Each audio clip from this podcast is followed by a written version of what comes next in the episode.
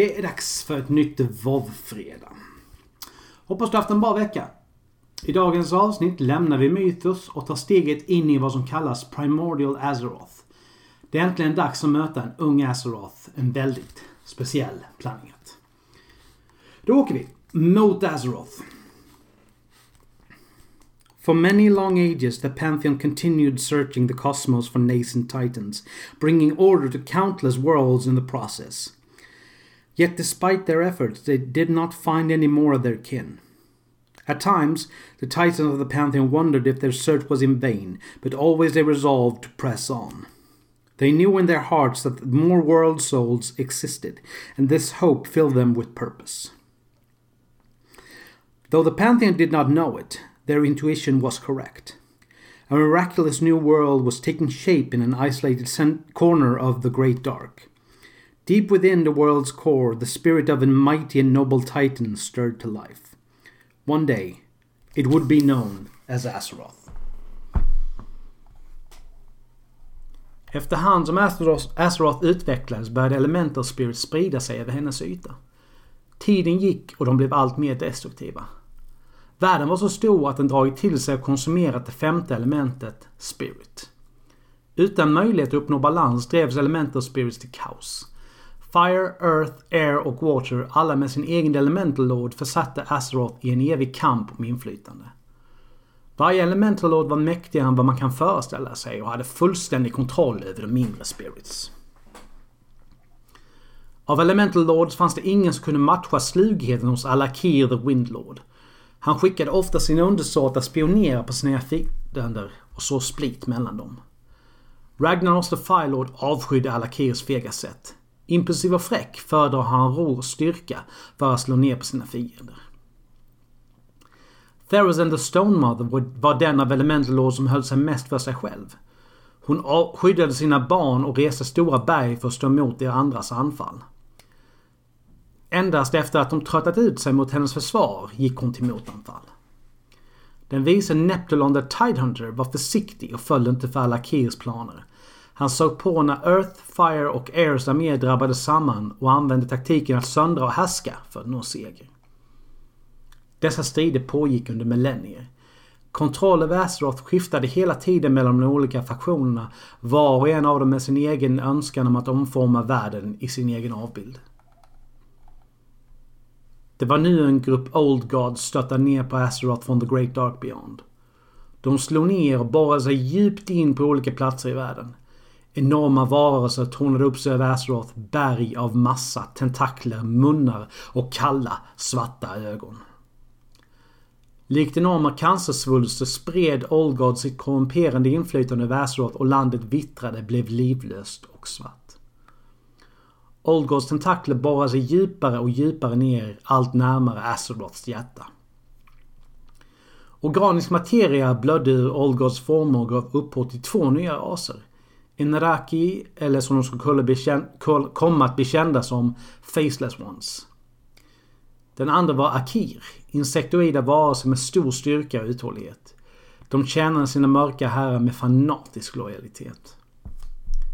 Genom sina tjänare expanderade Old God sina områden i alla riktningar.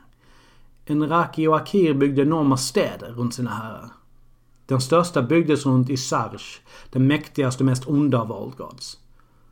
Snart skulle Old Gods inflytande spridas och de skulle bygga det imperium som skulle komma att bli känt som The Black Empire. Elemental Lords såg på vad som skedde och Old Gods och såg Old Gods som utmanare. De såg och kastade ut inkräktarna från deras värld. För första gången i Azeroths historia agerade världens spirits i unison mot en gemensam fiende. Alakir och Ragnaros skapade brinnande cykloner som härjade över världen och resulterade Black Empire citadeller till aska. På andra håll reste Therosen bergväggar för att splittra tempelstäderna. Neptulon och hans vattenvas svepte in och krossade Enraki och Akir mellan sten och havets vrede. Trots deras samlade makt kunde de inte stötta Old Gods Black Empire. Hur många av deras tjänare Elemental Spirits än förgjorde föddes det bara fler ur Oldgolds förvridna former. I slutändan förslavade Oldgolds Elemental Lords. Världen föll fullständigt och sjönk ner i ett hav av lidande och död. I en annan ände av The Great Dark Beyond fortsatte Agamar sitt kall att förinta alla tecken på demoniskt inflytande. Han reste från värld till värld, från den ena demoniska civilisationen till nästa. Agramar kände något otroligt. Det stilla drömmandet av en blivande World Soul. Den sång av liv som strömmade ut i kosmos ledde honom till en värld Pantheon ännu inte upptäckt.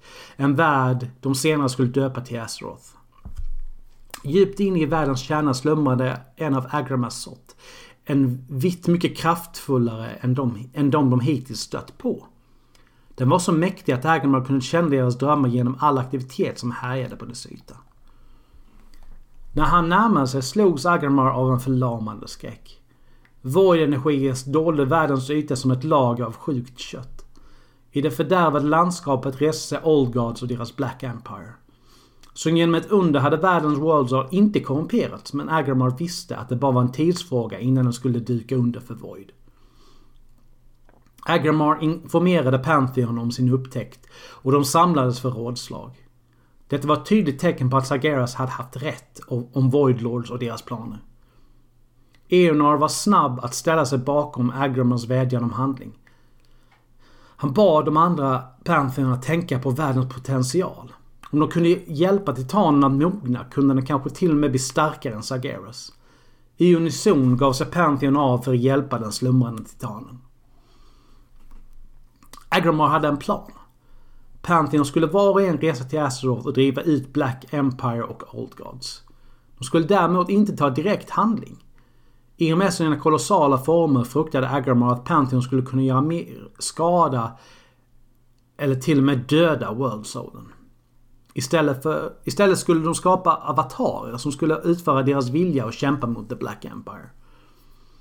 Under Kasgaroths ledning skapade Pantheon en armé av enorma varelser från Azeroths yta.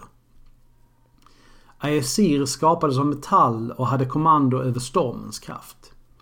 Vanir skapades av sten och hade kraften över jorden och bergen. Panthern kallade sina skapelser för Titan Forged.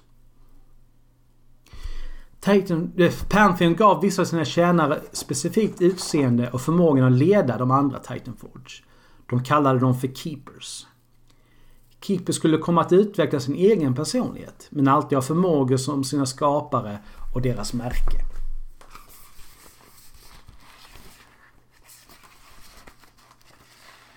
Amonthul gifted some of his vast... Vi tar om det där.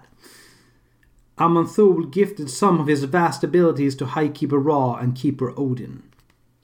Kasgaroth bestowed his mastery over, over the earth and forging to Keeper Archaeadas.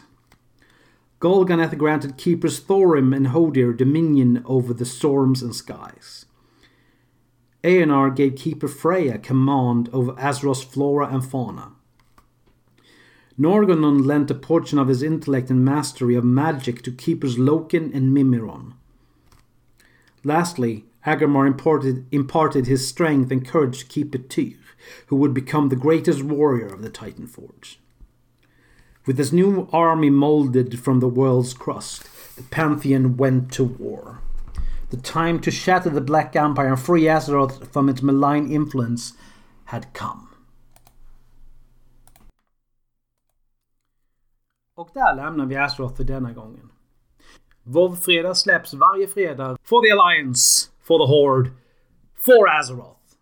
PS. Eh, WoW-fredag och Forsnar Studios tar nu lite julledigt.